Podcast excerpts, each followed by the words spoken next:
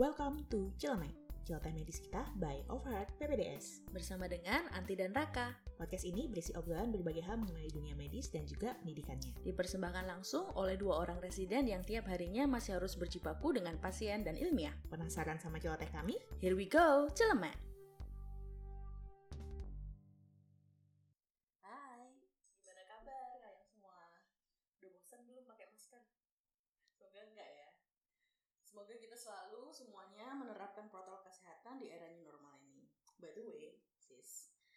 Akhir-akhir ini kita tuh sering nggak sih dengar baca berita tentang vaksin COVID-19. Kayaknya udah banyak ya yang diuji cobakan ke manusia. Kayaknya belakangan berita COVID yang paling santer adalah vaksin, vaksin, dan vaksin. Udah sih. Karena, enggak gini. gue udah give up sama angka 150 ribu jiwa kena Indonesia jadi iya. udahlah ki- kita sudahi aja saya apa season 1 covid ini Iya. dengan pembahasan vaksin kali Iya. ini. Capek gue ngomongin covid. Jadi deg-degan gak sih? Semoga cepet jadi ya. Tapi nih ya sebelum kita ngomongin soal vaksin covid nih kayaknya kita perlu ingat-ingat nih vaksin itu apa sih sebenarnya? Ya. Jadi vaksin itu adalah nih kita main definisi nih produk biologi yang berupa virus atau bakteri yang dilemahkan atau dimatikan atau bagiannya yang diberikan kepada manusia untuk merangsang antibodi guna mencegah infeksi penyakit tertentu ya. Jadi aku nih baca-baca ada yang nanya kenapa sih vaksinnya nggak pakai vaksin pneumonia aja yang udah ada dari dulu atau Ya. pakai vaksin flu aja? Men bakterinya beda virusnya itu beda gitu. Ya beda ya SARS-CoV-2 ini adalah virus baru gitu loh dan otomatis membutuhkan penelitian ulang gitu kan ya ya kenapa sih sebenarnya kita kok perlu banget vaksinasi pertama sih karena kita berusaha mencapai bagaimana juga herd immunity Hmm. Eh, yang sebenarnya sih bisa aja dicapai dengan alami. Mm-mm. Jadi ya udah dibiarin biarin aja orang nggak pakai masker, interaksi, ketularan dibiarin. Nanti lama-lama ketularan semua herd immunity gitu ya. Mm-mm. Tapi itu butuh waktunya banyak Mm. dan jumlah korban yang jatuh tidak bisa kita antisipasi. ya sebenarnya banget Dan juga butuh kurang lebih 70% orang yang terinfeksi di seluruh dunia ini untuk mencapai herd immunity global. Mm-mm. Dan saat ini angka kejadian di seluruh dunia mencapai di 23,7 juta dengan angka kematiannya 814 ribu. Nah, kalau penduduk dunia ini 8 miliar ya, Mm-mm. dan kita perlu 70% dari mereka terinfeksi, bisa dibayangkan berapa banyak orang yang harus meninggal gitu loh. Iya. Mungkin lebih jalan pintasnya kita minta tolong Thanos, eradikasi separuh, baru kita bikin herd immunity. iya benar itu kayaknya lebih lebih gampang lebih gampang sih ya. Itu ibaratnya kalau Thanos ditambahin vaksinasi itu benar-benar jalan pintas nih Iya, untuk benar. mendapatkan herd immunity uh, COVID-19 Iya, kan benar, ya. Terus ini nih, kalau ada yang nanya, sekarang kan em, vaksin COVID ini kan ada macam-macam ya. Jadi nggak cuma satu company aja yang Company. bikin, eh, company perusahaan, mohon maaf perusahaan ya, yang bikin vaksin ini. eh ini teori lagi nih, jenis-jenis vaksin. Aduh, banyak banget nih teorinya kali ini. Iya dong, biar biar tahu, biar tahu. Eh, Ini biar supaya aku nggak sia-sia bacanya. Itu yang penting. Guys, ini aku baca berhari-hari loh. Ini Biar bisa bikin episode ini. ini memang podcast yang sampai jujur ya gue membawakan podcast ini tuh bener-bener takut pak Kenapa? kalian kalau kedengeran sama dokter kita yang sudah bikin Oh, iya. ilmiah 40 biji tuh apa kabar? Dok, aduh jangan saya jangan dimarahin. Mana gue juga baru masuk divisi lagi. aku masih lama, masih lama. Nih, jenis-jenis vaksin. Vaksin yang hidup atau live attenuated. Biasanya pas eh, vaksin polio oral, vaksin campak, rotavirus, cacar, atau vaksin yang sudah dimatikan. Vaksin hidup itu bukan kumannya hidup terus dimasukin gitu ya, kumannya udah dilemahkan. Agak ngeri ya. mm-mm. Terus vaksin yang kumannya sudah dimatikan, biasanya hepatitis A, eh, flu, shot, terus rabies, atau vaksin yang berisi subunit dari antigen, misalnya vaksin flu, hepatitis B, pneumo, Pneumokoki. pneumokoki, ya, HPV, biasanya itu yang mau nikah kan biasanya suntik HPV.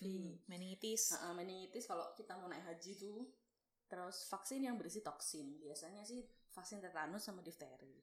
Ada juga yang vaksin yang baru, yaitu vaksin yang base-nya DNA dan rekombinan faktor. Cuman uh, jadi vaksin COVID ini banyak yang mengembangkan dan caranya itu beda-beda. Ya, benar. Jadi memang sih, ya mereka maunya kayak mau ini sih. Mana sih yang lebih efektif iya. dan lebih cepat iya, untuk bisa benar, dihasilkan. Benar. Jadi langsung semua bikin dalam waktu yang sama ya, kurang lebih sama ya. Dengan cara yang beda-beda ntar dilihat sejauhnya ini yang, yang mana yang mantap gitu ya. Mantul gitu. Oh iya, yang mantul gitu. Terus banyak lagi nih, kita kan ngomong kenapa vaksin gitu ya. Hmm. Ada lagi yang bolak-balik digaungkan belakangan adalah uji klinis. Kapan hari kan terakhir, nggak, nggak usah vaksin deh, mungkin uji klinis ini gaungnya terdengar banget gede karena uh, obat. Oh iya. Ya kan, hmm. obat yang dirilis sebagai hmm, apa obatnya COVID-19, tapi hmm. ternyata uji klinisnya masih dipertanyakan hmm. gitu ya.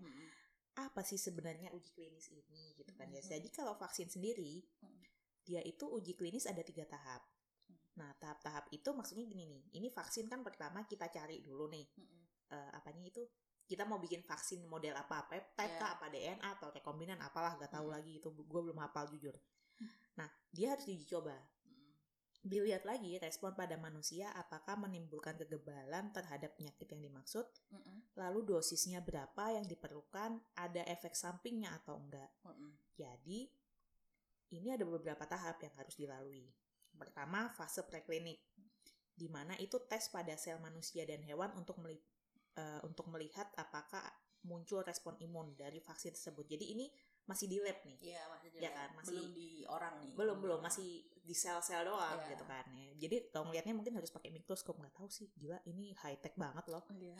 Kalau kalau mikir gini gue kayak berasa belajar ya Allah gue belajar barang ini pak barang kasat mata bener kan iya. gitu kan ini ngomongin virus vaksin kagak kelihatan cuy iya bener Kemudian oke okay, balik lagi hmm. uh, setelah fase klinis eh preklinik sorry hmm. kita ke tahap satu nih hmm. di mana vaksin diberikan kepada sebagian kecil orang yaitu hmm. kurang lebih 50 orang hmm. untuk mengecek dosis dan keamanan serta untuk konfirmasi apakah ini vaksin beneran bisa menstimulasi sistem imun nggak ini hmm. vaksin ini misalnya nih nanti gue kasih vaksin eh gue kasih vaksin ini beneran bisa nggak ya si vaksin ini membuat ngebangunin sistem imunnya si anti untuk melawan COVID. Yeah. Nah, kayak gitu. Kemudian tahap satu kelar, kita maju ke tahap dua.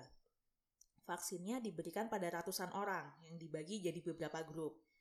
Misalnya ada grup anak-anak dan ada juga grup orang tua untuk lihat apakah ini vaksinnya efektif nggak ya ke ke kedua grup itu atau mungkin wah di grup orang tua efek sampingnya lebih nggak oke okay dibandingkan pada anak-anak. Mm -hmm. Nah ini kenapa kok kita pakai uh, orang jumlah lebih banyak, pakai di grup-grupin. Nah, ya kita harus lihat apakah dia aman dan apakah ini vaksin beneran beneran bisa nih? Beneran mantul nggak nih buat iya, jadi buat, cek ulang tetap uh, harus cek ulang. Tetap cek ulang. Uh, sama kayak kita ini kalau misalnya belakangan nonton film tilik itu kayak Butejo harusnya cek ulang. Bro omong-omong soal film tilik ya aku tuh nggak ngerti dia itu pesan moralnya apa? Sampai sekarang mikir aku nggak ngerti pesan moralnya apa. Eh tapi itu menurut gue tetap sebuah film yang bagus dan itu, itu bagus itu bagus actingnya actingnya iya actingnya bagus actingnya bagus. Dan itu karena mereka dari orang dari teater gak sih? Iya. Jadi actingnya tuh lebih kayak tau gak sih gue paling paling kasihan itu sama siapa di sana? sama siapa? Pak polisinya. Eh, tapi dia dapat banyak bingkisan iya iya gue tahu men. Tapi gue gini ya oke okay lah kagak polisi. Coba lu dokter jaga IGD dikeroyok sama orang-orang. Iya sih. Itu sama ibu-ibu lagi turun dari truk sampai mau tak cokot lo ya. Balik lagi balik lagi, balik lagi ke tahap terakhir nih tahap tiga. Vaksin diberikan ke ribuan atau ratus ribuan manusia untuk melihat berapa banyak yang terinfeksi dibandingkan dengan mereka yang diberi placebo. Kalau placebo itu apa? Jadi gini nih, gue sama anti gitu ya. Kita dua-duanya dikasih obat. Iya. Kalian nih ngasih kita obat kak ini obat tidur ya. ini ada obat tidur baru gue cobain ke kalian tapi ternyata yang punya gue obat tidur yang dikasihkan ke anti bukan obat tidur ya. tapi malah anti yang tidur gue kagak tidur nah itu bisa jadi pertama obatnya kurang efektif hmm. atau mungkin ya memang gue udah kebal pakai obat ya, tidur bener. gitu kan ya itu kan placebo itu yang obat yang dikasihin ke aku itu isinya tepung gitu tapi hmm. dia yang tidur cuy misalnya. Mm. Nah, terus uji coba tahap 3 ini eh semua rangkaian uji coba ini biasanya membutuhkan waktu 10 sampai dengan 20 tahun gitu ya, tergantung dari jenisnya. Tapi karena COVID-19 ini sebuah pandemi global dengan eh, transmisi rate yang sangat tinggi, kita membutuhkan akselerasi. Jadi hampir semua vaksin yang diteliti sekarang itu pakai combined phase, di mana fase 1, 2, 3 itu dilakukannya hampir bersamaan untuk langsung melihat efektivitas vaksinnya. Nah, makanya yang tadi biasanya kan fase 1 lolos terus fase 2 Hmm. terus habis itu lolos terus habis itu fase 3 sekarang enggak guys jadi fase 1 beberapa minggu kemudian Oh, eh, oke nih, seminggu langsung kemudian langsung masuk fase fase, dua. 2 jadi fase 1 jalan sampai terus sampai akhir sih terus fase 2 juga jalannya hampir bersamaan jadi supaya dilakukan secara Mm-mm. simultan gitu ya. Mm. Jadi dari 1 sampai 2 dekade tadi bisa dipangkas jadi 1 sampai setengah Ya. tahun aja gitu. Ya, dan produksinya pun kalau dulu kalau secara normal ya kalau dulu yang biasanya setelah fase 3 baru diproduksi sekarang lulus fase 1 atau fase 2 dia sudah Ya. pabriknya udah produksi Ya, itu saking itu itu menggambarkan seberapa kepepetnya manusia gitu. iya banget kan itu itu udah kepepet banget cuy. Kepepet Biasanya banget. kalau vaksin kagak lolos trial fase 3 kagak akan dilirik. Bukan bukan tidak dilirik ya, bahkan tidak dipublikasikan secara masif. benar benar Sekarang sekarang baru fase 1 aja udah oh, fase udah satu aja banyak udah banyak gitu ya. Sejauh ini kalau saya nggak salah ingat ya, Hmm. atau tidak salah baca itu ada 136 vaksin COVID-19 yang sedang dikembangkan di seluruh dunia. Mm-mm. Di mana 32-nya sedang menjalani uji klinis pada manusia dan juga ada 6 yang sudah dan akan memasuki fase tahap 3. Ya, kayak yang dari Universitas Oxford kerjasama sama AstraZeneca. AstraZeneca. Mm-mm. Itu dari adenovirus. Jadi bahannya virus yang dilemahkan atau dimatikan ya. Sekarang sih udah fase 2 sama fase 3. Udah masuk fase 3 sih ya. Di Di- Inggris sama di Brasil sama Afrika Selatan. Harganya nih, ngomong-ngomong harganya vaksin-vaksin ini cukup lumayan mahal ya. Cukup beragam lagi. Iya sih. Ini yang vaksin ini sih kurang lebih 116.000 ribu ya untuk dua kali suntikan. Jadi rata-rata kalau aku baca 70 ribu. mm-mm, vaksin-vaksin ini kita harus eh, mm, suntik satu terus nanti suntik lagi. Iya, Mm. dua kali. Terus ada lagi dari Sinovac yang sekarang lagi kerjasama sama Indonesia tuh, Bandung. Mm-mm, yang di Bandung. Terus Pfizer itu pakai mRNA. Itu uji coba tahap awal sih menunjukkan vaksin menginduksi kekebalan. Katanya sih gitu. Targetnya ini Oktober 2020 sudah dilakukan penerapan vaksin. Aku nggak ngerti sih ini. Ini Agustus Gimana? akhir. Iya makanya. Jadi targetnya tuh dia Oktober.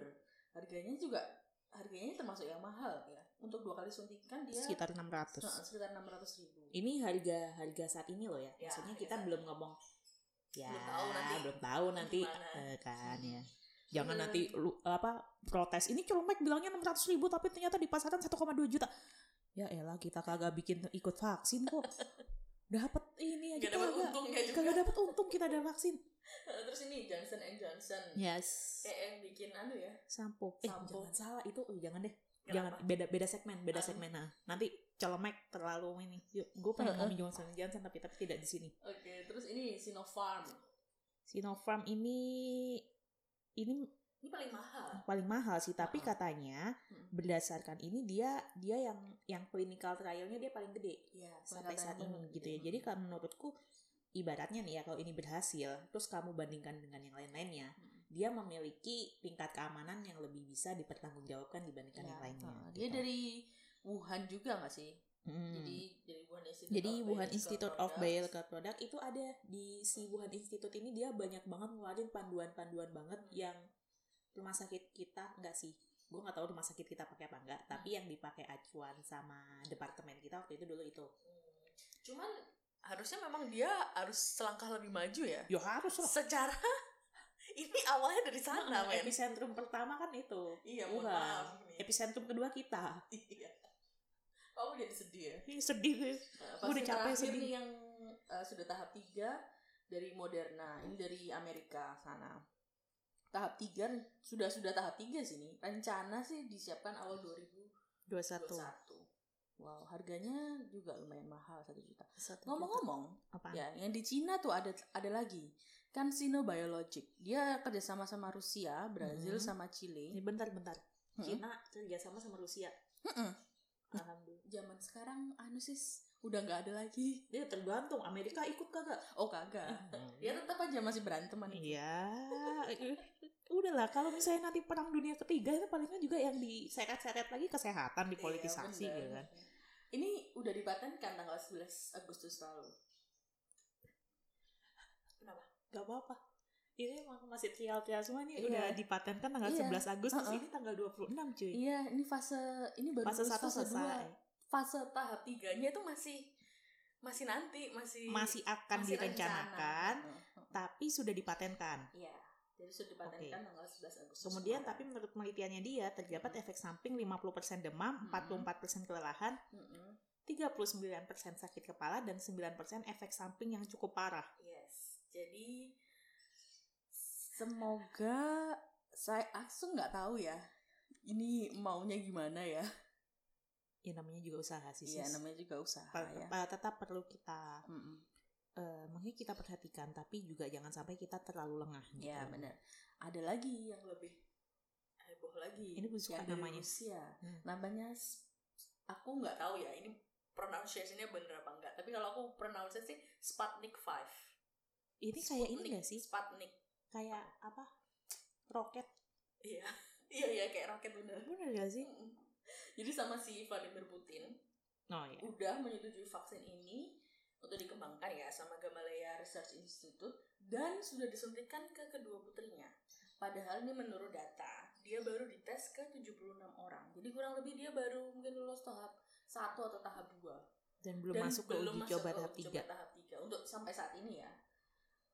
Dan Eh. ya dan dia sudah mengeluarkan surat izin untuk Sputnik 5 ini untuk diberikan ke sebagian kecil masyarakat yang rentan yang Namun- rentan COVID-19. Tapi baru Tapi, nanti uh, officialnya 1 Januari Iya, 2021. benar. Ini rawan sih ya. Iya. Tapi yang jadi pertanyaan gue pribadi adalah Hmm. ini kan Mr. Vladimir Putin kan bilang kalau iya kedua putrinya Hmm. gue suntikin. Dia suntik nggak?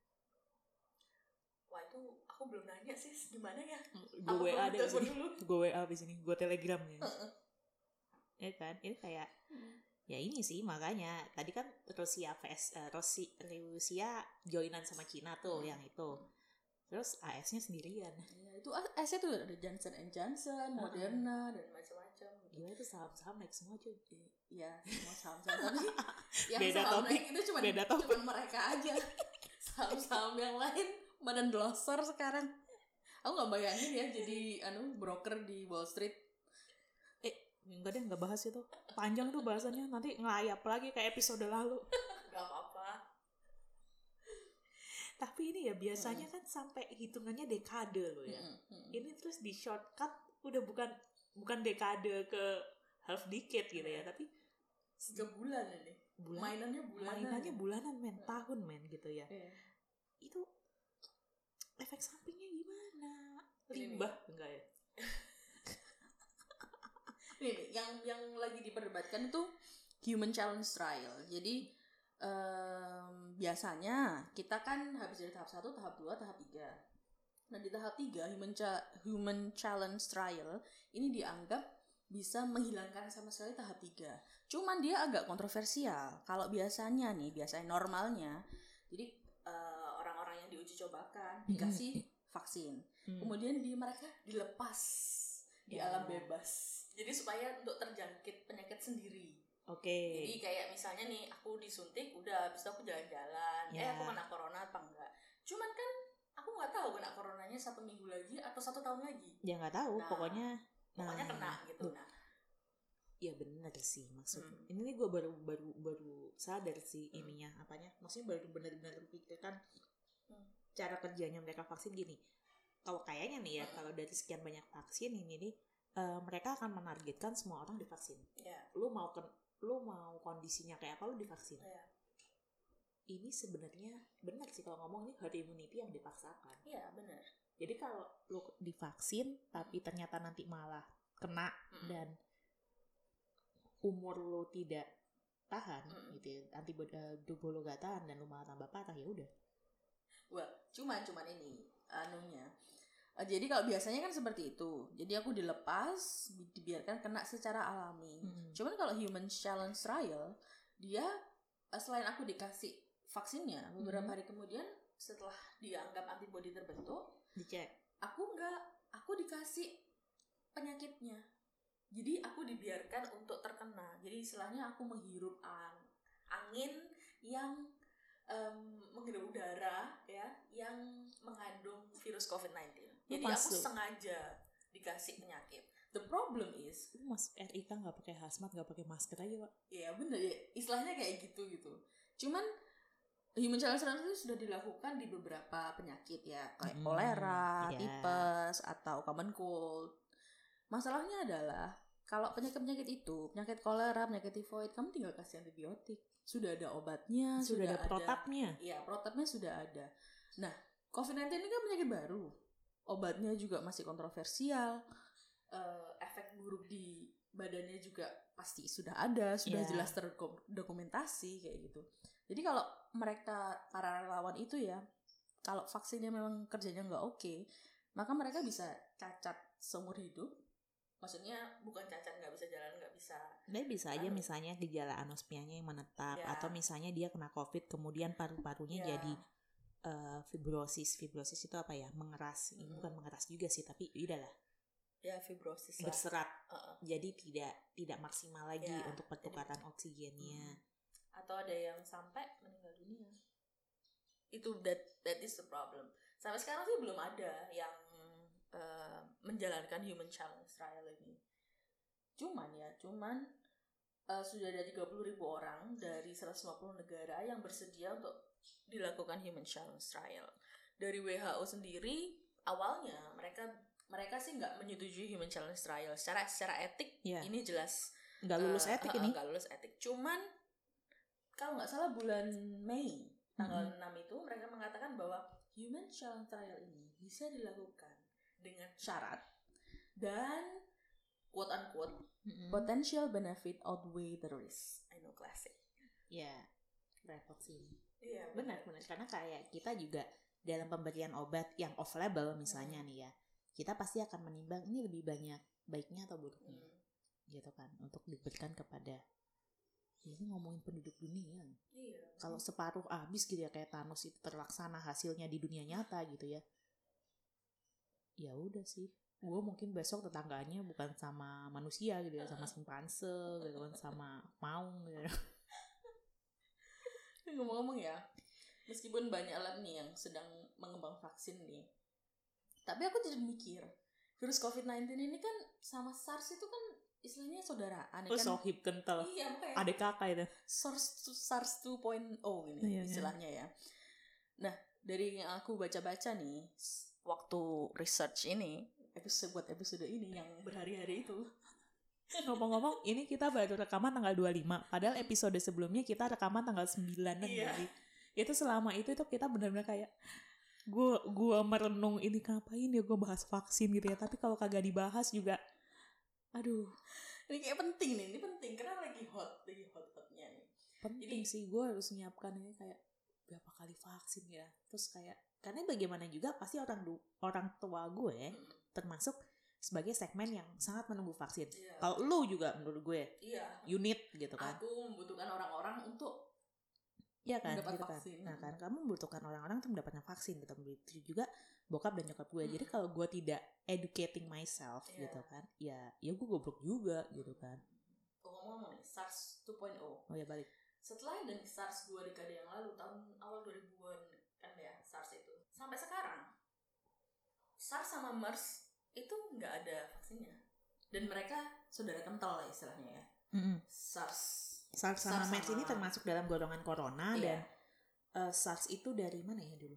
SARS itu dari daerah China, China China, juga, juga, sih ya. Kalau MERS-CoV ini kan dari Middle East dan mereka sama-sama golongan coronavirus dan Hmm. ini sudah dua dekade berlalu belum nemu mereka. Iya, belum Vaksinnya belum ditemukan sampai sekarang. Jadi ada vaksin yang diuji cobakan ya.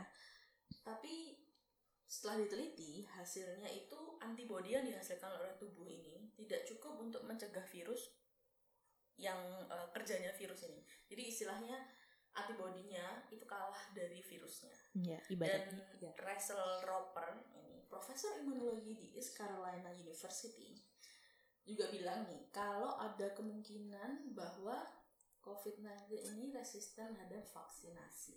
Mungkin Waktu baca ini aku tuh langsung di Astagfirullahaladzim. di satu sisi jujur ya Hmm.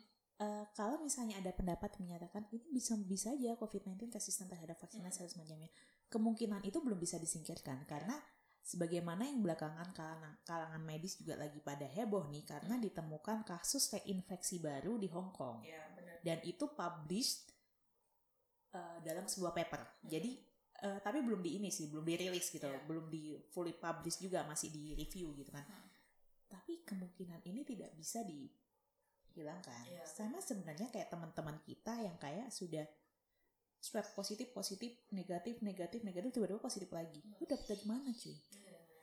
apakah yang kemarin ya kemungkinan swab uh, false negatif itu bisa sih tapi kalau ketika ada paper yang menyatakan ini loh ada kasus infeksi baru gitu nah apakah satu virusnya yang mutasi dua yaitu uh, jaket kekebalan yang kita pakai ya memang nggak bagus-bagus amat gitu.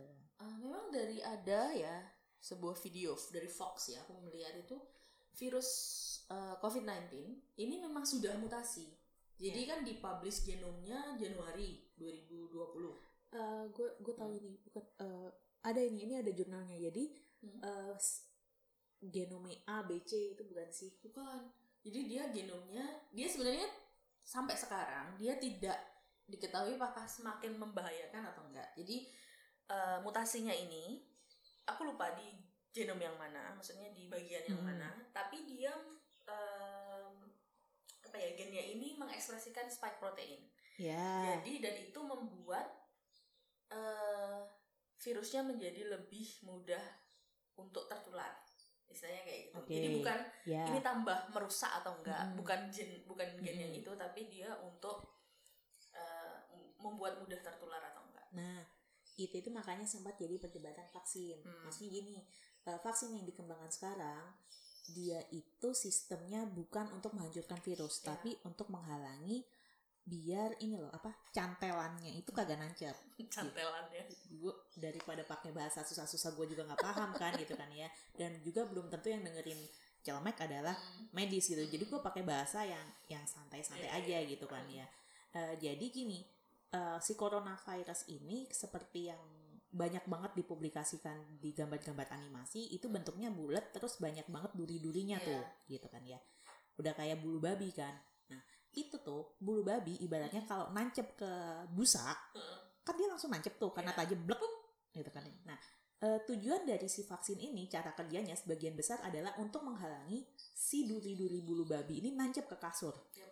dengan caranya kasurnya diganti pakai triplek iya benar jas atau Iya. apalah gitu ya Heeh. atau mau lu pakai kevlar juga nggak apa-apa lah intinya adalah dilapisin lah ya. dilapisin gitu ya intinya biar itu kagak nancep Iya. kagak nempel gitu kan ya nah kalau nah kalau misalnya dia ada Eh, mutasi. mutasi. Yes, kalau mutasi di dalam Nah, itu. kalau mutasi di dalam selnya sih selama itu kagak nancep gitu, itu vaksin akan tetap bekerja. Tapi kalau misalnya ini bulu babi dia berubah dapat kekuatan lagi gitu ya dan terus itu bulu-bulu babinya udah bukan bulu lagi tapi misalnya baja baja babi atau apa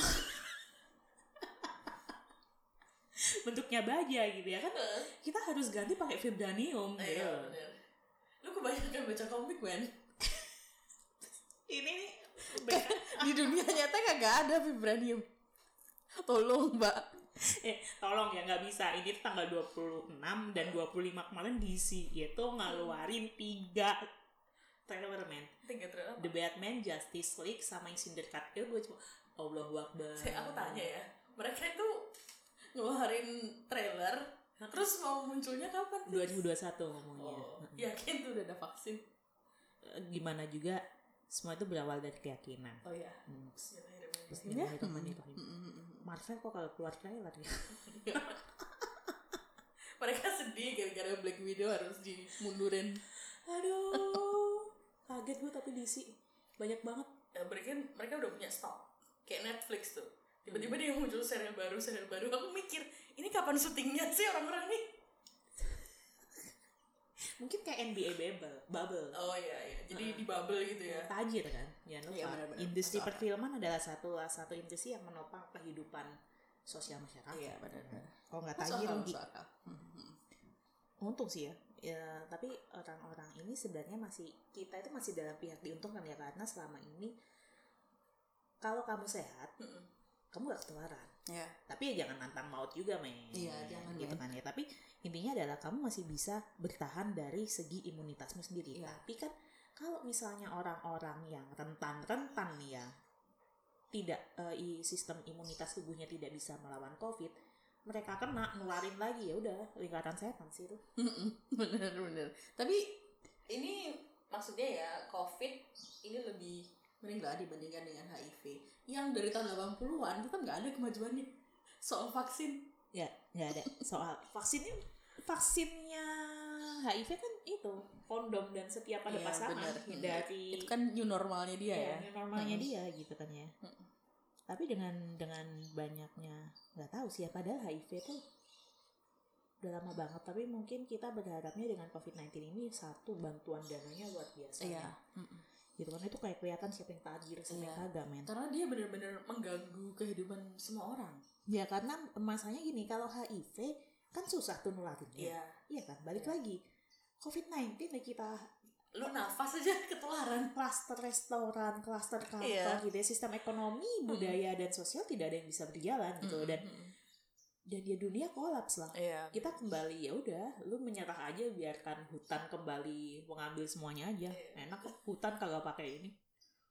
Lu hidup di hutan aja kayak tatsan ya. terus jadinya banyak lab-lab yang eh, secara simultan ya istilahnya mereka mengembangkan vaksin dari ber, ya kayak aku bilang tadi dari berbagai sudut pandang Mhm. jadi berbagai jenis vaksin yang aku sebutin yang live attenuated tadi dan macam-macam Iya, Jadi kayak ada juga namanya kayak Operation Warp Speed. Mm-mm. Jadi pendanaan produksi miliaran dosis vaksin dan produksinya itu di push sampai ke skala industri. Jadi begitu vaksinnya sudah terbukti aman dan ampuh, harapannya bisa langsung didistribusikan ke masyarakat. Ya, jadi istilahnya hari ini di dinyatakan aman besok udah langsung distribusi gitu ya luar biasa loh Ini kan warp speed udah kayak Star Trek gitu kan gue gak nyinggung, gue udah gak nyinggung Marvel sama DC lagi deh, lu yang ngomongin Ini Star Trek. ini bukan Marvel sama DC gue kebanyakan di rumah jadi nonton film terus di Indonesia gimana nih di Indonesia Eh, di Indonesia so far seingatku ada tiga ya. Satu Hmm. yang vaksin Sinovac dengan China Hmm. itu, lalu juga ada vaksin Genexin dengan Korea Selatan. Yang ketiga juga tentu ada vaksin merah putih, vaksin lokal dari konsorsium nasional. Gitu ya. Pertama, Sinovac oh ini yang paling hits. paling hits Ya, karena ya udahlah. Itu nanti dibahas sama podcast lain aja ya kalau ini. Iya. Eh, ke, ke- dia kerjasamanya dengan PT Bio Bio Farma. Farma dan jenisnya itu adalah tipe yang virus yang dimatikan atau diinaktifkan nih. Mm-mm. Gitu kan. Jadi kayak lu di nanti disuntik jenazah virus men. kalau ngomong kayak gitu nih orang-orang yang nggak tahu tentang vaksin ini bisa serem sendiri ini mereka Enggak, enggak, enggak. Eh, partisipasi uji klinis tahap 3 dimulainya itu mulai dari Agustus ini dan melibatkan sekitar kurang lebih 1.600 Iya. subjek selama enam bulan di Bandung, Jawa Barat. Mm-mm. Kelebihannya sih dia memang yang paling cepet ya paling cepat ya ins- Mm. industrial banget gitu kan Mm. ya dan tapi kekurangannya ya dosisnya dia memang butuh yang lebih, lebih, banyak, gitu benar. ya kemudian Genexin kedua ini genexin dia sama basisnya KB, DNA ha-ha, sama kalbe basisnya DNA atau materi eh, genetik virus SARS-CoV jadi kayak itu loh kayak dalamnya itu kan remah-remahnya iya kayak remah-remahnya jadi kalau Mm. tadi itu full body Mm-mm. ini cuman kayak Sebagian. tangannya aja Nah. gitu itu sampai sekarang sih dia baru lulus tahap satu sih ya nanti ujian tahap ujian tahap dua Ujian tahap dua.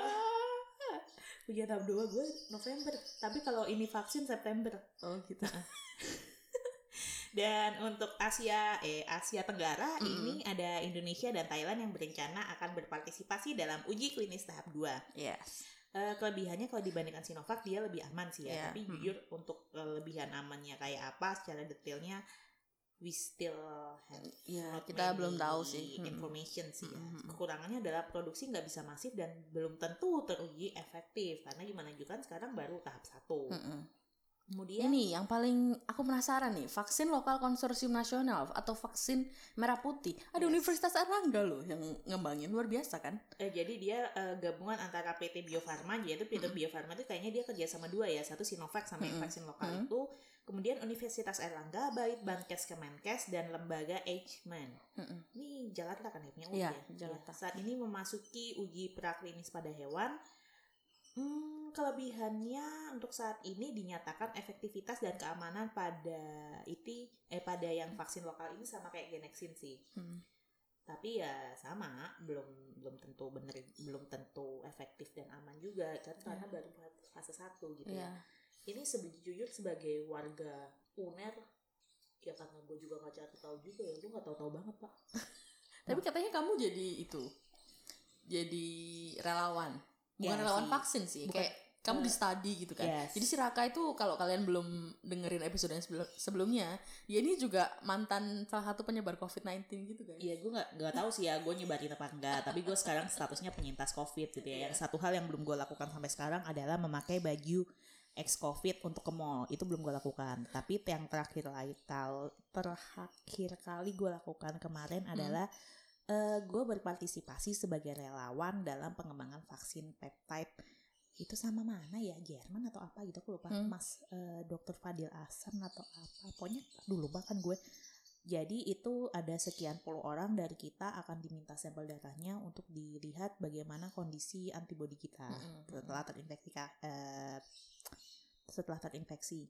Tujuannya adalah, nah dari pembelajaran antibodi ini, titer-titer ini akan dikembangkan vaksin yang asalnya itu dari peptida antibody itulah. Gue nggak paham juga cuy. Aduh, Allah Akbar. Tawan kan gue gobloknya. Susah men, beneran.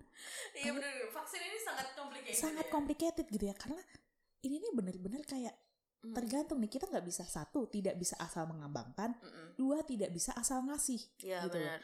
Karena biasanya kan vaksin tuh jadi pada vaksin-vaksin umum lainnya ya, dia diberikan ke anak kecil, ke orang dewasa, ke orang tua. Ya. Masalahnya adalah the problem adalah kalau eh, vaksin ini sementara ini itu baru dikasih ke orang-orang yang muda, yang sehat, Iya. relawan, Mm-mm.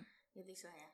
Nah otomatis populasi yang kita tahu efek vaksin ini itu ya baru ke orang-orang relawan itu, yaitu orang-orang yang masih muda itu. masih muda That is masih sehat The problem zaman sekarang guys. Nah itu problemnya gitu loh. Apakah kita bisa ini benar-benar kayak kebut-kebutan waktu gitu loh Mm-mm. jatuhnya karena permasalahannya gini. Yang agak sulit juga adalah selain kita kontrol kelompok-kelompok yang kita beri vaksin gitu ya. Hmm. Dengan percepatannya adalah kita tidak bisa mengontrol media.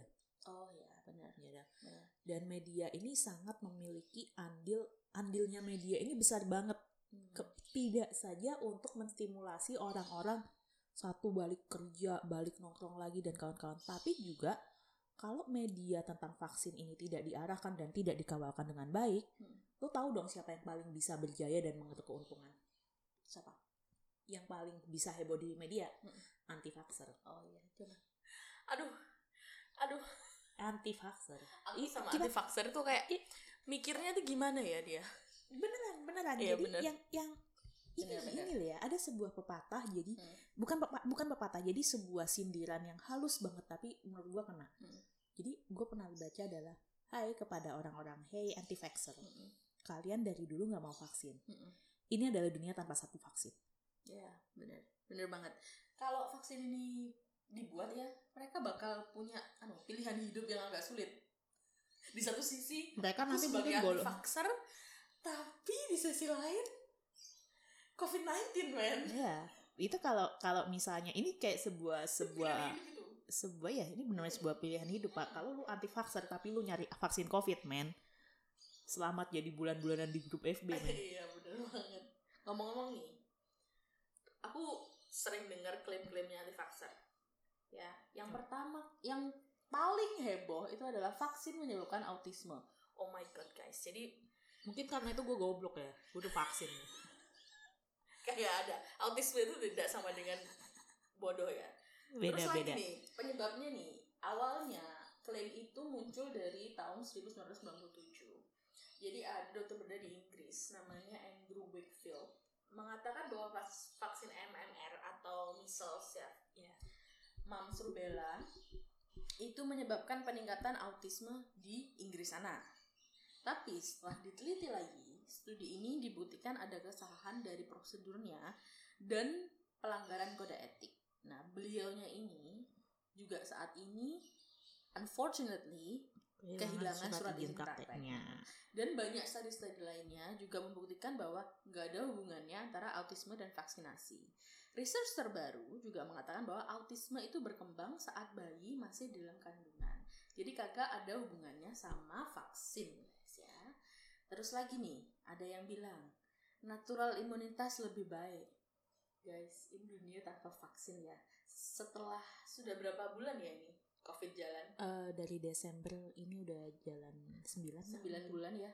Sampai sekarang sekarang kalau mau lahiran udah mau lahir Iya udah mau lahir. Sampai sekarang nih kita belum nyampe nih kan namanya herd immunity. Jadi vaksin nih gimana mau nyampe herd immunity berapa miliar pak makanya penduduk dunia berapa Nggak berapa bisa. juta yang harus meninggal. memang ya ya itu bener kalau mau sewa Thanos Iya bener.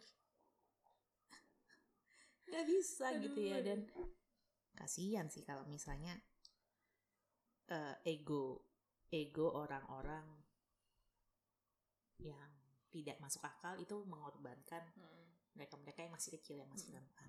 Eh, terus ada lagi ini my body my choice. Itu lu baca yang mana sih? Kagak ada.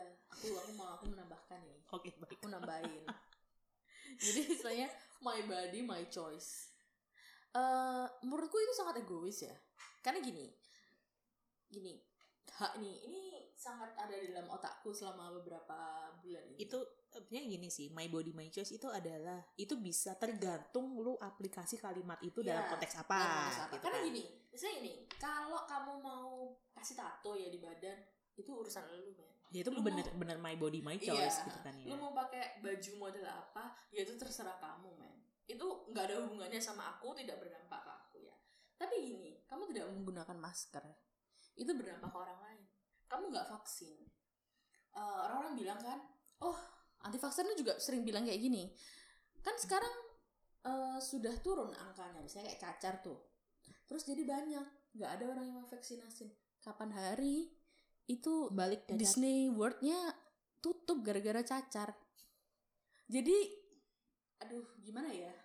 ya terima kasih kepada teman-teman Mm-mm. Jadi, anti vaksin yang telah my body my choice itu kalau urusan baju, kamu mau pakai tato atau enggak? Kamu mau berhubungan seksual sama siapa? Itu nggak ada hubungannya sama ada. sa- sama orang lain. ya begitu juga dengan kayak pilihan lo agama Iya. eh, apa pandangan politik dan Benar. kan menurut menurut kami itu Mm-mm. tidak ya udah memang your your choice. your body Yeah. your belief It's that's your your, freedom. choice that's your freedom Yes. Tapi ketika vaksin dan protokol kesehatan Itu kamu berhubungan sama Oh. orang lain. Kecuali kalau kamu mau tinggal sendiri di pulau di mana sendirian bener-bener Oh iya kalau lu beli pulau 2 miliar terus lu Uh, tinggal uh. di sana sendiri nggak nggak Iya. masalah sih. Kita- Palingan kita nggak dihujat, masalah. Nah, palingan It's dihujat your aja sama problem. netizen karena lu dapat duit dari mana beli pulau Uh, uh, 2 uh. M 2 triliun. Terus ada lagi nih Apaan? yang aku baca. Jadi kan aku lihat-lihat YouTube tuh tentang vaksin ya di Indonesia tuh. Mm-mm. Di bawahnya komennya sini, oh jadi corona ini eh, Dibuat dibuat dibuat karena mau eh, usaha pembuatan vaksin. mohon izin ya sebagai gini aduh ya Allah gini itu ya. rasanya tuh satu gue dokter ya. Gimana juga lu mau ngomong ah lu PPDS ya memang tapi gue dokter dulu baru bisa jadi PPDS pak. Iya Gitu bener. kan. satu gue dokter. Oke gue PPDS dan gue PPDS internal gitu kan mungkin semua orang udah pada tahu gue ini Raka anak anak celemek ini dua-duanya PPDS IPD universitas ini. Ya memang kita tidak pernah apa sembunyi sembunyi gitu ya. Kalau lu lu dengerin beneran pasti tahu gitu ya. Eh. kita anaknya yang mana pun tahu gitu kan ya. Terus kemudian gue kena covid cuy. Eh. Mau ngambil benefit dari mana sih Iya, aku juga nggak ngerti. Ini ini benar-benar tidak ada benefit lain-lain ya. Contoh yang paling kelihatan itu adalah sports world. Eh gini, kalau memang ini benefit ya, sports world itu eh, olahraga itu dimiliki oleh para miliarder. Ya. Ya kan? Orang-orang kaya. Ya, Hmm. itu mainannya orang-orang kaya kan ya. Jadi mereka jelas nggak mau rugi. Dengan adanya COVID-19, jelas mereka akan rugi, guys. Rugi miliaran. Itu NBA, dolar NBA bubble. Miliaran do Oh, miliaran dolar, Ya, bukan, bukan rupiah. rupiah mah receh cuy. Rupiah mah receh. Iya. Jadi mereka rugi berjuta-juta, bermiliar-miliar dolar. Membuat NBA bubble tuh kurang lebih 2 miliar dolar. Jadi jadi gini, dari- buat- buat saya sih. NBA bubble mendingan lu stimulus ekonomi gak sih? Iya, ya, tapi makanya- sebenarnya pembikinan NBA kan dia ada stimulus ekonomi di bidang Mm-mm, di olahraga bidang olahraga. dan hiburan dan Iya. something. Gitu. andaikan COVID ini digunakan untuk eh, sengaja, istilahnya sengaja gitu ya, dibuat buat perusahaan farmasi supaya mereka bikin vaksin daripada mereka bikin vaksin buat balik COVID modal ya. kayaknya. Heeh, ini nggak balik modal Ini sama balik sekali. modal. Ini vaksin vaksin ini bisa berjalan bukan karena mereka modalnya dari mereka sendiri loh. Iya. Ini karena ada banyak orang orang-orang kaya ya Yang Atau mungkin kalau kalian- Heeh. berdonasi mungkin ya cukup kaya untuk donasi Heeh. donasi untuk pengembangan vaksin ini gitu jadi Iya. eh, anggapan bahwa oh ini itu cuma buat bisnis vaksin it's so narrow minded menurut aku ya terlalu banyak Mm-mm. modalnya terlalu besar untuk untung yang ya eh, terlalu eh, risk and benefitnya tidak seimbang Iya, ya. tidak kalau seimbang. kita ngomong dari neraca ekonomi dan ibaratnya adalah peluang investasi jangka panjang ini kagak masuk cuy ya ini nggak masuk karena gini ada ada lagi artikel yang aku lihat bahwa ada kemungkinan bahwa vaksin COVID-19 ini mungkin akan memberi kita mm, kekebalan tapi bukan kekebalan seumur hidup. Iya. Jadi istilahnya bukan kayak vaksin kayak polio. Itu kan kekebalan ya seumur tapi hidup kan tapi kan menurutku gini loh ya menurutku loh ya Hmm. si SARS-CoV ini kan masuk kayak golongannya coronavirus masuk masih eh, satu satu bukan dibilang satu family sih masih again ya satu perumahan lah sama cold, Iya. common cold Mm-mm. common cold influenza Mm-mm. lah influenza ya vaksinnya tiap tahun ganti lu ada yang protes kagak Makanya kagak ada juga. nggak ada kalau nggak masanya dari Indonesia jarang pakai virus Iya. influenza atau kecuali kalau misalnya kamu mau umroh haji Iya, atau perjalanan ke benar-benar. luar negeri gitu kan ya. Tapi di luar negeri eh, vaksin influenza ini adalah salah satu vaksin yang rutin diberikan kepada orang dewasa. Karena seperti yang kita tahu influenza sendiri sebenarnya dia death toll-nya dia lebih tinggi daripada coronavirus sendiri gitu kan ya. Ya enggak ya menurutku kalau misalnya ya nanti corona memang harus diberikan secara berulang dan yang gini-gini ya gimana lagi Iya. kita sebagai medis yang yang mungkin lebih paham ya Mm-mm. eh, dan tahu lapangan di lapangan ya ya kalau memang jalan itu yang harus ditempuh ya udah Iya. Bener. gitu aja karena mau gimana lagi seharusnya memang COVID-19 ini sudah sudah salah dari awal kalau misalnya kayak SARS dulu aku inget itu sangat benar-benar contain jadi benar-benar dalam satu lingkup benar-benar mereka nggak boleh keluar sedangkan COVID-19 ini rasanya dianggap remeh kenapa ya Oh enggak sih karena SARS-CoV eh, angka mortalitasnya jauh Lebih tinggi, tinggi, gitu ya. kan. Ya, lu kena udahlah Mm-mm. 80% nggak ada Mm-mm. kan. Sedangkan di COVID-19 80% kamu hidup bisa bersosial media. yes Ya gua kemarin positif tapi ha iya iya aja ya Allah lu kagak lihat yang di sini pakai hazmat udah kayak mau nangis cuy. Kasihan loh anak-anak itu. Iya, that is the problem itulah itulah masalahnya karena mungkin kebanyakan orang ah aku nggak kena kok selama ini aku jalan-jalan juga nggak kena jangan jumawa guys Eh enggak, mungkin juga ini nih peran Apa? sosial media sosial media. oh iya Zamannya SARS satu dekade dulu kagak ada IG dan Oh, kawan-kawan benar. kagak ada gitu ya. Jadi akal, tidak ada. akal. Jadi SARS itu bisa di framing media memang dia sebagai ketakutan Mm-mm. gitu. Ini sebagai momok nih si Mm-mm. SARS. Nah, tapi sekarang misalnya nih TV-TV media cetak terus ngomong iya COVID menakutkan ini.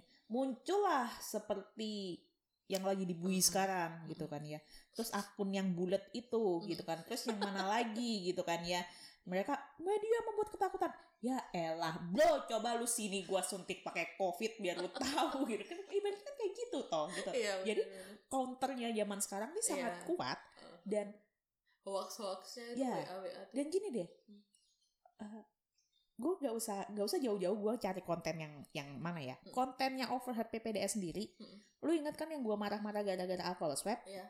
follower gue jadi berapa berapa? 12 ribu dalam tiga hari itu sumpah gue ketakutan itu itu cuma cuma gara-gara gue gue ngeliat ada Mm-mm. orang jualan alkohol Iya. gue protes Iya. protesnya di akun overhead PPDS itu punya memang kok orang-orang ini suka sekali dengan kontroversial Iya gitu. benar. Sesuatu yang kontroversial itu memang lebih menarik. memang lebih menarik kayak acara kayak tilik itu kan lagi ngehits tuh si tilik. itu gue suka banget Itu kan itu emang bagus sih. Mm-mm. Cuman itu menunjukkan sih. Mungkin pesan moralnya yang bisa didapatkan tuh adalah bahwa konten nih. Kan dia Mm-mm. ngomongin tentang FB Iya, tuh. iya. Ngomong tentang posting di FB. Terus ada lagi yang celatukan siapa itu yang pakai kerudung abu-abu bilang bahwa Yuning ya? eh bukan Bukan, nggak tahu nggak tahu ya pokoknya ya gue tahu kok yang Iya. kompor itu kan Ah, yang kompor itu itu yang dia bilang bahwa internet itu uh, dipakai sama orang yang pinter. pintar. Jadi semua yang di internet itu pasti benar. nah Itu adalah anggapan yang sangat tidak benar, teman-teman. Iya. Internet itu bi- bisa diakses oleh siapa saja. masuk orang-orang yang tidak bertanggung jawab Ya, that is the problem. Hmm, Mungkin mereka tidak bukannya nggak ngerti, tapi mereka ya sengaja. ada Mm. sengaja bikin bikin konten Mm-mm. just Ya, because that is that is the problem. Mm-mm. lumayan kan lu bikin konten eh, viral Hmm. habis itu endorse Ya. udah kehidupan sosial media sebenarnya adalah itu jadi kalau lu sosial media ya itu dengerin I- itu aja dipanut gitu Hmm. ketika me- menilai informasi ini bener nggak ya orang yang ngomong gitu ada akun gue sangat sangat suka dengan akun-akun seperti dokter Adam Prabata ya Hmm. Adam Prabata eh, Adam Prabata Pandemic Talks Mm-mm. eh, also kawal, kawal COVID-19 Mm-mm. itu kawal COVID-19 programmernya teman SMP gue eh teman SMA gue Oh ya? Ya. Oh. pas kapan dulu dia ada kawal COVID-19 gitu kan ya itu mereka sangat amat membantu gitu ya Iya. tapi kurang provokatif makanya dia akan kalah Iya, karena di, kayak itu tadi orang-orang suka yang provokatif, Provokatif. Hmm, Jadi, suka kompor eh kalau kita ngomongin kayak medis kayak gini ya, itu kan sesuatu yang membosankan. bosen lah Iya, jadi membutuhkan berjam-jam waktu membosankan untuk membaca artikel, membaca. Karena gini, karena aku bikin skrip ini ya. Mm-mm. Ini aku harus baca, harus lihat dari sisi mana aja, mana aja yang bisa aku angkat, Mm-mm. mana aja yang oh ini ini kayaknya nggak perlu cuma nambah-nambahin aja. Mm-mm. Dan itu membutuhkan waktu yang lama. Iya. Dan tidak semua orang memiliki waktu, memiliki kemampuan dan keinginan dan keinginan untuk membaca itu tadi. That is the problem dari social media, which is kita tinggal scroll, baca sedikit captionan, dan oh berarti ini kebenaran. That is the problem, guys. Itu adalah gue jadi masalahnya. sebuah akun tapi udahlah oke balik lagi ke rekan-rekan anti vaxxer Heeh. yang mungkin juga sedang merongrong sosial media saat ini dan Mm-mm. memperdebatkan soal vaksin eh yaitu ya tadi an- eh, klaim mereka adalah natural imunitas lebih baik Mm. tapi ya natural immunity itu kamu harus sakit dulu gitu loh Ya. baru bisa dapat imunitas muncul. gitu kan ya jadi kalau kalau gua ngomong sebagai penyintas covid-19 ya gue bisa aja punya natural immunity Iya. tapi gue sampai sekarang pun belum ngecek adakah immunity itu pada diri Iya. gue atau enggak Dan nanti masalahnya ada kasus reinfeksi. aduh ya Bukankah itulah itu adalah problem kita semua? Kemudian hoax selanjutnya yang dikatakan oleh anti vaxxer adalah vaksin menang- mengandung toksin atau racun. Yes. Ya, kebanyakan orang memang khawatir dengan penggunaan formaldehid, merkuri ataupun aluminium pada vaksin. Tapi ikan sama vaksin kandungan merkurinya masih lebih banyak ikan. Iya. Padahal ikan diperbolehkan untuk dimakan. Uh-uh. Jadi gini, formaldehid, merkuri dan aluminium itu se- memang tidak boleh kalau kamu makan mentah-mentah dalam jumlah Iya, banyak gitu ya.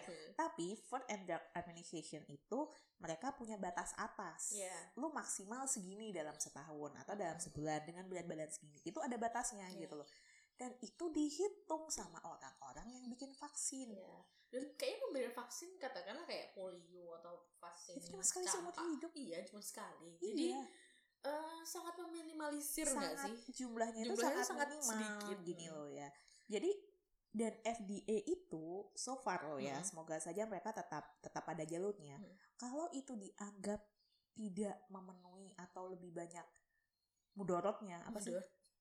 Keburukan. Eh, eh, gitu ya oh, kagak di ACC iya bener gitu loh bener banget gitu ada-ada aja kok orang jadi memang ngomong-ngomong ya formalin atau formaldehyde dia itu diproduksi juga sama metabolisme tubuh. Iya. dan jumlah yang di metabolisme sama tubuh sama jumlah yang berada dalam vaksin itu lebih banyak yang di metabolisme sama tubuh. Jadi nggak usah ketakutan. Nggak usah khawatir kita eh, jadi gini kita selalu percaya pada meskipun vaksin ini dikebut fase 1, 2 dan 3 nya kita tetap harus percaya bahwa ada koridor-koridor yang harus dipatuhi sebelum vaksin ini dirilis kepada massal. Ya. gitu ya karena otomatis lah apa sih jangan sampai kita malah bikin vaksin tapi vaksin itu malah berbahaya dan malah meningkatkan jumlah kematian mortalitas dan morbiditas Iya, gitulah iya. itulah yang memang harus itu loh kenapa kok vaksin selama ini lama banget Ya. gitu. Karena harus di benar-benar under scrutiny jadi benar-benar dilihat. Ya vaksinnya diawasin ini banget ya. Oke apa enggak? Jadi memang siapa yang bisa dapat? Pakem. Pakem-pakem insya Allah sih kalau dari eh, dari bacaan-bacaan memang tetap dipatuhi dengan baik. Kemudian ada lagi nih klaim anti vaksin yang juga beken. apa Menjaga kebersihan atau sanitasi yang baik lebih baik dibandingkan vaksin.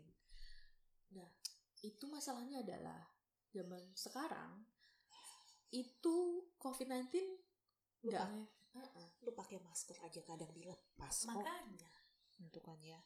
Dan meskipun kita nggak ya ya peran sanitasi dan kebersihan Mm-mm. dalam menangani kan, eh, penyakit infeksi gitu ya itu besar. gitu ya karena bagaimana kan mereka mengeluarkan dengan mudah tapi vaksin itu juga perannya tak kalah besar untuk mengurangi angka kejadian penyakit Mm-mm. misalnya nih cacar di tahun 63an toh Mm-mm. itu ada 400 ribu orang tanpa ada perubahan besar dari sanitasi dan kebersihan dan pada tahun 70-an ketika mereka kemudian melakukan eh, edukasi yang secara masif terkait sanitasi dan kebersihan Hmm. jumlahnya itu turun jadi 25 ribu jadi Iya. dari 400 ribu ke 25 ribu dalam waktu kurang lebih 7 tahun Iya. dengan adanya vaksin dengan ada vaksin cacar. nah, terus juga sanitasi di ini polio sekarang di Amerika udah nggak ada ya Eh, smallpox juga eh, udah punah karena vaksin. Polio juga yang tadi pagi gue baca itu juga sudah dieradikasi dari Afrika mana gitu. Jadi so congrats jadi eh, tapi ngomong ya polio karena banyaknya Iya, ada anti-vaxxer ya di katanya di Amerika ada lagi. Jadi apa ya kalau kamu bilang bahwa ah ini kan sudah nggak ada berarti kita nggak usah vaksin nggak usah vaksin lagi. Nggak nggak mereka bukannya tidak ada tapi ditekan. Sehingga penyebarannya tidak nggak jor-joran lo tahu istilahnya. ini gak sih eh, filmnya Transformer yang kedua yang Megatron sisa kepalanya doang? Gue lupa itu film Transformer keberapa atau berapa itu yang mana ya jadi jadi ceritanya intinya Hmm. gini sih itu si Megatron itu sisa puing-puing doang dan Hmm. dan di freeze Mm-mm. gitu ya jadi dia dalam kondisi deep freeze dan tidak bisa dilakukan apa-apa kemudian si ini nih ada kroconya satu itu dia Hmm. menyelinap ke fasilitas uh, pengamanan itu dan mencairkan si Megatron oh iya And that's like itu itu kayak polio banget Ah, iya, gitu ya. polio bisa dikonten lu di freeze gitu. Terus Heeh. ya muncullah ini satu kroco. Gue gak mau vaksin gue gak mau ini mau sebenarnya gini kalau kamu nggak mau vaksin ya udahlah. Lu Cuman, di hutan anu nggak nggak usah ngasih tahu orang lain gitu loh. Jangan gitu dong. Jangan kabar-kabar sama orang jangan gitu udah lu vaksin aja cuy. Cuman gini mungkin aku tahu sih ada juga orang-orang anti vaxxer yang bilang bahwa anak saya jadi demam jadi sakit setelah divaksin. Bro. Gini ya. Ada alasan kenapa anak divaksin abis itu pulangnya dikasih paracetamol. Yang gue jadi pertanyaan ini saat ini gue juga mau pertanyakan nih. KIE dari puskesmas sama dokternya gimana ya? Uh, jadi ada terutama vaksin-vaksin yang ini yang dari kuman yang dimatikan Ya. atau dilemahkan itu Mhm. biasanya dia efek ada efek sampingnya. bukan efek samping ya istilahnya gini. Kalau kamu Eh, mau membuat membuat Kamu antibody mau- ya. eh, otomatis antibody pun Harus kerja. harus kerja nah. Saat dia bekerja. Itu lagi dibangunin pak pas nah, panas itu. Eh bangun ya eh, bangun itu efeknya yang kelihatan itu Ada adalah panas. demam. Jadi bukan karena dia sakit dari penyakitnya itu tapi karena efek dari eh, imunitas yang sedang dibangunkan Hmm. sedang disuruh bekerja itu Hmm. tadi karena Jadi- biasanya kan dia dorman-dorman aja ya Hmm. santai-santai aja biasa. Wow. jadi gini yang patut kita kita sadari juga adalah kenapa pada sebagian besar penyakit orang demam? Nah, karena memang demam itu adalah salah satu mekanisme perlindungan diri tubuh, bukan mekanisme perlindungan diri tubuh. Itu adalah sebuah tanda bahwa mekanisme pertahanan tubuh itu sedang kerja keras Iya. untuk menghalangi virus ataupun kuman yang masuk. Ya, gitu jadi demam atau panas itu adalah bukan penyakit ya kalau di kita ya. kalau itu, Itu adalah sign. sign gitu. Ini Sign and wah, symptoms. ini ini ada tanda nih. Ini Iya. tanda tanda demam. Ini demamnya ada- infeksi atau Uh-uh. keradang atau ada mana. penyebabnya, ada sesuatu Hmm. asing yang badan ini sedang berusaha untuk Hmm. melawan. Ya. Kayak gitu. Itu adalah demam. Nah, Ya. Jadi kalau dikasih vaksin otomatis badan ini eh aku baru bangun, aku mau bekerja. Ya, kayak nah gitu. tapi memang Hmm. eh, kenapa diberikan penurun panas ya? Karena panas yang terlalu lama, terutama pada anak-anak kecil itu bisa berbahaya ke arah kejang, Mm-mm. gitu kan. Makanya ketika pulang buat ibu-ibu, buat teman-teman lah semuanya, tolong ketika ada orang vaksin di tempat anda jangan lupa untuk KIE-nya juga yang bagus, Ya. gitu loh. Ya. Karena kalau orang itu bisa kok di- diomongin dengan Ya. mudah, gitu Benar. ya, dengan bahasa sebagian besar orang bisa lah. dengan bahasa-bahasa yang mudah. Ya. Kadang gue sangat apresiatif kepada teman-teman dokter Mm-mm. bidan yang pinternya banget. Iya. Tapi ketika kamu tidak bisa bicara dengan santai dengan bahasanya ibu itu, keluarga itu, that's Itu nggak nyampe. itu nggak nyampe. Nah, udah, tidak akan sampai. kamu udah itu udah kamu stuck iya di benar, situ. Dan padahal selain mengobati, selain Hmm. membantu, salah satu tugas dokter, tenaga kesehatan adalah edukasi. Iya, itu itu yang paling penting menurutku edukasi. Ya, itu kan ini. Apa? Kenapa celemek debok? Karena Iya. gue pengen ngomel-ngomel sambil edukasi. Soalnya kalau di depan pasien nggak bisa ngomel-ngomel ya. Lu kan nggak bisa curhat. Aduh bu, ini kenapa sih? Pilihan hidupku ini kenapa seperti ini Eh, tapi gue kadang gitu, gitu sih ke pasien tuh udah baik ya udah baik bu kenapa sih bu dulu kok gini bu iya dok kadang iya bu nggak bisa gitu dong bu itu eh, tapi perdebatan perdebatan kecil itu yang membuat pasien gue jadi oh iya bener juga ya dok ya Hmm, kemudian sih, anaknya bener. jadi kontak gue dok Iya. ibu gini sekarang ayo mas kadang-kadang kayak gue kayak tiba-tiba jujur loh gue Uh. kadang-kadang ingat sama pasien gue terus gue wa anaknya Iya, bu udah kontrol iya, iya. Aku juga sering sih ditanyain udah bertahun-tahun lalu, terus tiba-tiba dia kontak, dok Iya. ini ibu saya keadaannya sekarang gini, ini saya harus ngapain ya? Terus aku tuh mikir, wait, ini pasienku yang mana? iya iya kadang sering banget gitu dan itu tuh kayak sebagai ya udahlah ya ya beda beda gue yakin hal-hal kayak KIE KIE gitu nanti deh kita bahas KIE Ini Ini kita perlu bahas. itu perlu Gitu banget ya? perlu banget Mm-mm. tapi ya bisa deh kita bi- kita bikin materinya nanti KIE kita ngomongin kelarin anti vaksin dulu ini resiko vaksin lebih besar hingga saat ini belum ada studi kredibel yang menyebu menghubungkan vaksin dengan masalah kesehatan jangka panjang Iya. Resiko alergi ada Ya, alergi itu jelas pasti ada ya. Semua bahan di dunia ini itu kamu bisa alergi. Ada juga orang alergi air, Iya. ya kan? Jadi ada orang yang alergi yang benar-benar dia keluar kayak apa ya? hives apa itu? Rada. Apa sih? eh bintik-bintik Iya, kemerahan ruam merah. ruam Ah, merah ruam. Ruam itu kalau dia keringetan. Jadi itu nggak harus dari luar kadang-kadang. Ya, kadang-kadang dari dalam ale- alergi, Alergi air kacang. terus lu keringatan Iya, alergi terus ada juga alergi kacang. itu Jadi, jarang di Indonesia Ya, itu- seafood sih kita yang Iya, seafood, alergi telur kayak Hmm. gitu. Itu jelas ada dan reaksi alergi itu memang salah satu alergi salah satu reaksi yang nggak bisa diprediksi. Dan itu bukan bukan salah dari alergennya. Jadi tanya misalnya alergi obat ya, itu bukan salah dari obatnya. Nggak. Tapi itu adalah reaksi imun kita sendiri kayak gitu. Semoga aja sih tidak ada yang alergi dengan vaksin COVID-19. Hmm. kadang-kadang bukan alergi dari vaksinnya sih tapi alergi dari eh, pengencernya Oh ya. ya atau jadi Benar-benar. bisa saja gini ibaratnya nih vaksin merek A Hmm. pabrikan A Hmm. eh vaksin A dari merek mana gitu Hmm. ya lu alergi sama pengencernya tapi Iya. ka- kamu pakai vaksin A dari merek lainnya bisa Iya, karena beda pengencernya Iya. itu loh yang harus yang harus dipahami gitu. Mungkin kamu bukan alergi vaksinnya tapi pengencernya Ya. the same as kayak kamu pakai skincare. Bener. nanti Kamu- kita bahas kapan-kapan. Bahas skincare itu panjang lebar sis.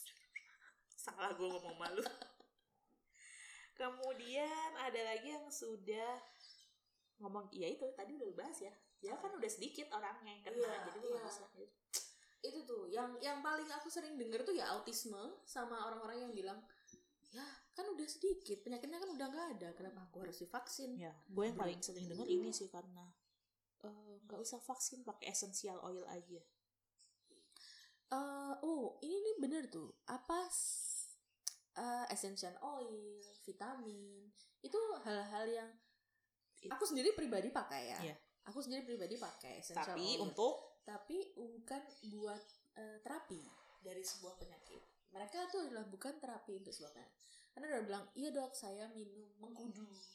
Oh dok ini apakah kalau minum soft saffron Oh iya, itu hits banget saffron. saffron itu apakah bisa? Jadi gini guys. Bagus buat jerawat tuh. Nggak tahu. Jadi gini kalau menurut gue nggak sanggup ngikutin kalau gitu. menurutku pribadi Iya. mereka eh, hal-hal tersebut itu dia mengandung zat aktif yang juga bisa didapatkan di obat-obatan. Ya, ya itu pasti. Karena kan gimana pun kita ngambil dari nature ya kita ngambil dari alam. Ya itulah Obat kenapa itu ada ekstrak ekstra kulit manggis ya. ya. Benar ekstra kulit manggis.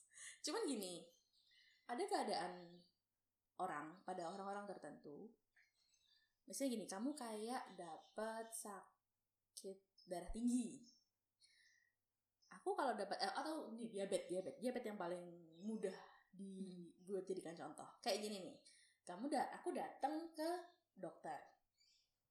Gula darahku 200 udah dicek gula darah puasa 200 Mm-mm. aku harus kasih obat dong ya Mm-mm. kan? Nah obat yang aku yang dikasih ke aku mungkin obat yang dasar dulu. Ya. Nih obat-obat yang yang itu loh yang tiga kali sehari kamu harus minumnya ada ya metformin dulu. metformin dulu ini pertama dan kita. perubahan pola makan Ya. ya kan? Tapi nah itu obat yang dikasih ke aku. Tapi ada juga orang lain. Dia datang ke IGD dicek nggak sadar. Gula darahnya berapa? 700 nggak mungkin dong aku kasih metformin. Nggak mempan tuh kayak cuma ngitik-ngitik aja gulanya cuma digitik-gitik ih tik-tik-tik nggak Hmm. nggak bisa. Lebih harus cepat. dikasih insulin. Jadi gini kalau kamu mau terapi itu tetap harus dengan obat-obatan itu untuk terapi tapi untuk maintenance ya eh, kayak suplemen makanya disebut suplemen dia tidak akan mengobati Nggak. mm, eh, penyakit ya tapi jadi dia hanya suplementasi dari badan kamu sendiri Mm-mm. untuk eh, istilahnya badanmu ini supaya lebih kuat untuk melawan dari penyakit tersebut. Jadi human itu manusia, in my opinion, itu adalah timba kayak timbangan. harus Pada balance. saat tertentu, kalau kamu balance, kamu bisa tambah suplemen dengan baik. Eh, kalau kamu ngerasa pusing-pusing atau kayak gimana penyakit-penyakit kronis, kamu punya migrain, mungkin bisa ya. Kamu nggak perlu minum obat menurutku. Iya. Tapi dengan suplemen, dengan perubahan gaya hidup, kamu lebih rajin olahraga, tidur yang baik, itu dia akan balance-nya dia akan kembali seimbang. Tapi pada saat eh, tertentu, kamu membutuhkan obat. Pada saat tertentu, obat itu membantu supaya kita bisa kembali ke keadaan yang balance itu. Gitu. Jadi eh sekarang kan orang-orang mari kembali ke nature. Aku tidak masalah dengan hal itu. Essential oil, hal-hal seperti itu. Mereka cukup membantu.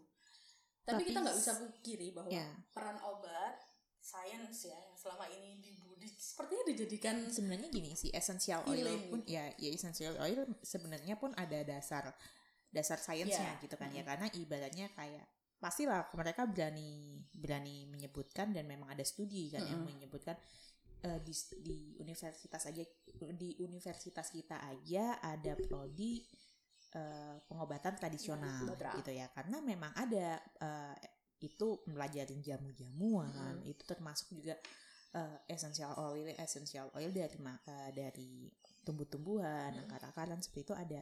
Tapi mereka sifatnya itu adalah sebagai eh, komplementari. Iya. Gitu lah. Jadi kamu tetap pada eh, regimen yang ditentukan oleh doktermu tapi apabila eh, dirasa ada ruang untuk penggunaan komplementari eh, obat gitu ya atau terapi itu bisa diusulkan mungkin menggunakan eh, modifikasi diet atau misalnya penambahan kayak misalnya jus apa jus apa minum apa untuk maintenance gitu. Tapi tetap itu tetap harus dalam pengawasan dokter. Ibaratnya gini kalau kamu kalau kamu punya sakit darah tinggi Hmm. dapat obat nih obat darah tinggi dari dokter. Tapi juga dapat dari tetangga jus timun bu sehari iya. tiap hari tiga kali satu gitu ya. Terus lu tinggalin obat dokternya minum jus timun doang mending kalau beneran turun darah tingginya gitu ya. Kalau tambah naik gimana? kalau tambah naik gimana? Nah ini loh yang kamu juga harus ngomong ke dokternya dan Iya. dan kalau gue kalau gue Hmm. pribadi ya maksudnya gini bokap gue adalah pertanian Hmm. gitu ya dan I do know a bit a lot bukan a bit ya kalau a bit a lot gimana sih kak? Eh, tentang obat-obatan tradisional gitu kan ya. Karena memang bokap gue di ranah situ dan it's very fun Iya. It- it- that's very fun gitu ya. dan beberapa dan eh, mereka itu benar-benar bisa ini diekstrak Hmm. untuk hasilnya dan itu ada uji ada ininya Ya, ada ada uji ada jurnalnya Benar. ada uji klinisnya gitu Ya. loh ya jadi memang tapi sifatnya sebagai komplement Iya. jadi harus ketika kamu dok makanya kita selalu nanya apakah ada obat-obatan atau rutinitas yang dilakukan itu lo harus jawab iya dok biasa minum amlodipin tapi ibu juga minum jus jus timun Iya. Jadi kalau agak rewel sedikit misalnya ngomong, terutama juga buat dokter-dokter ini ya. Kalau pasiennya ini agak rewel terus dia ngomong macam-macam, misalnya menjelaskan tentang aneh, itu kamu harus bersyukur loh.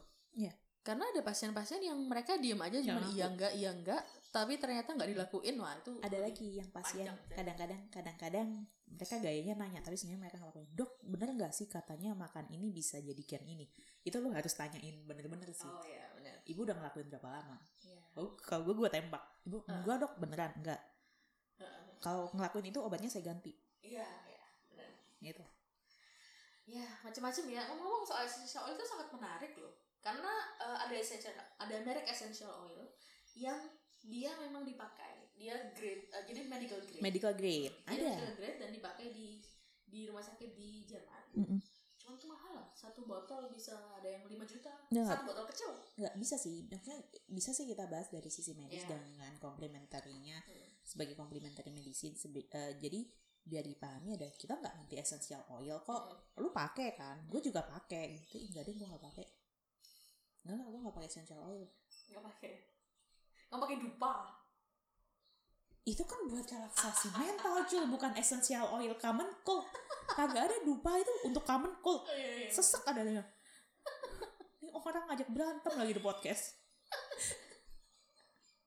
Nanti deh. Banyak kok kayaknya episode ini kita menjanjikan banyak bahasan sih. Iya, iya. essential oil terus Uh-uh. apa KIE cara KIE banyak sih. Jadi udah deh. Ini aja. Jadi jujur ini episode kelima. Adalah sebuah ending dari season covid kita Iya.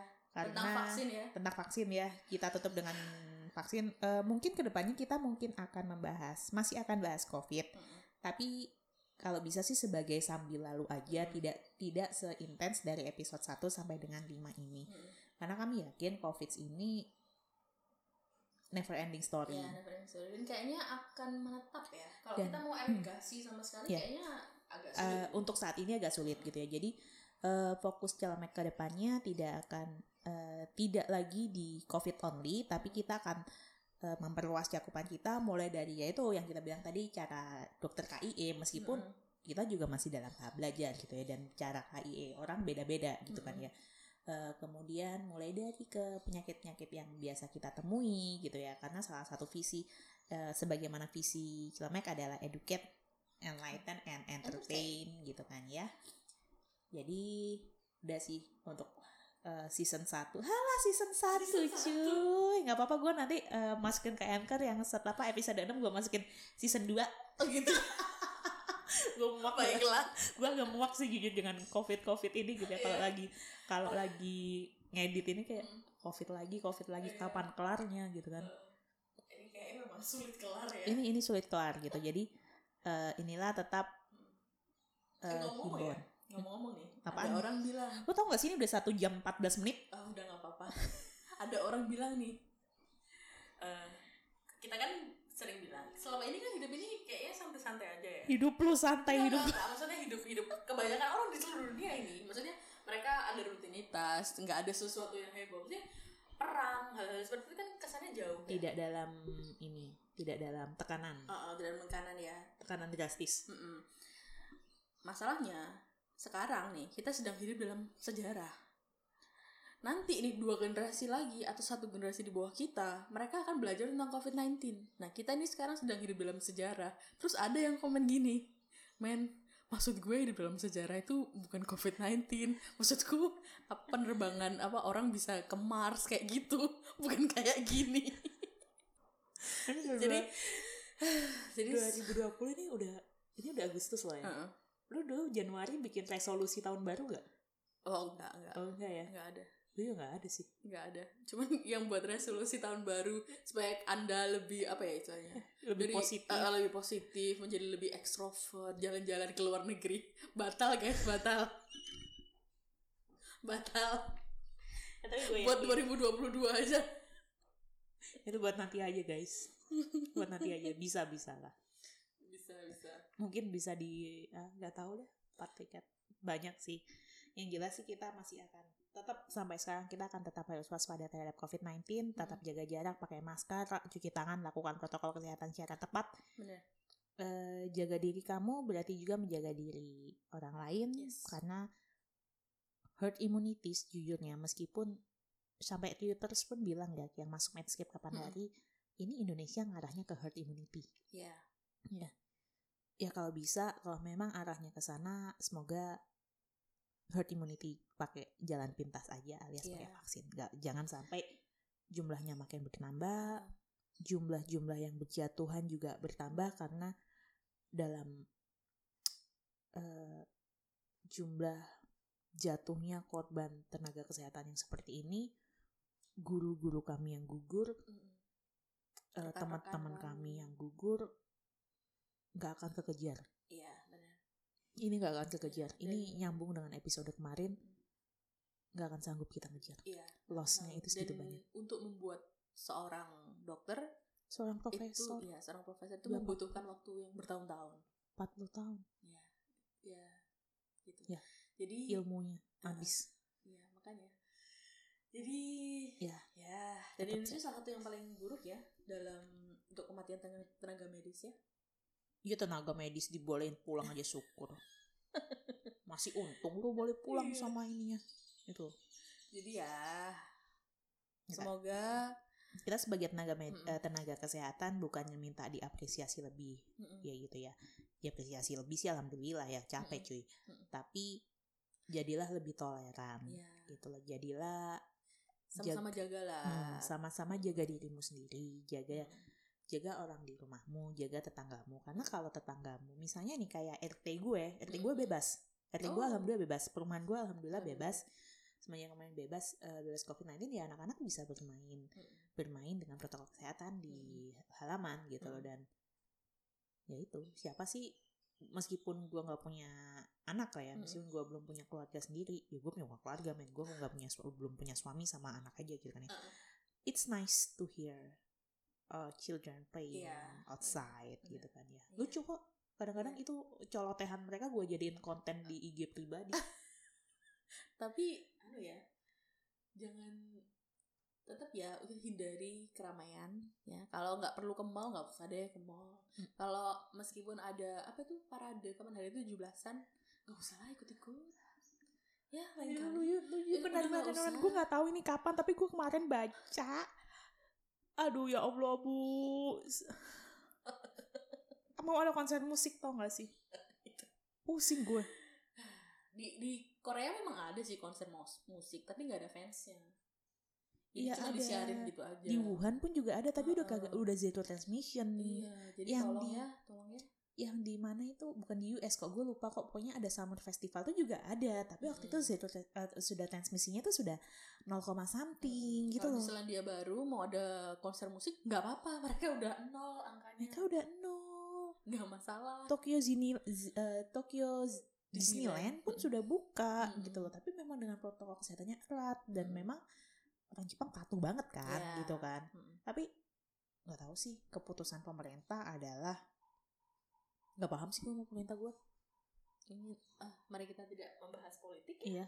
Karena ada orang-orang di bagi atas sana juga mereka juga tidak percaya bahwa covid ini berjalan. Sa- saya nggak ngerti jalan. sih. covid nggak jalan. Saya aku nggak ngerti sih droplet pem- dia muncrat. pemikirannya gimana. Jadi ya Jadi gini ya guys, COVID itu muncrat bukan berjalan. Makanya lu jaga jarak.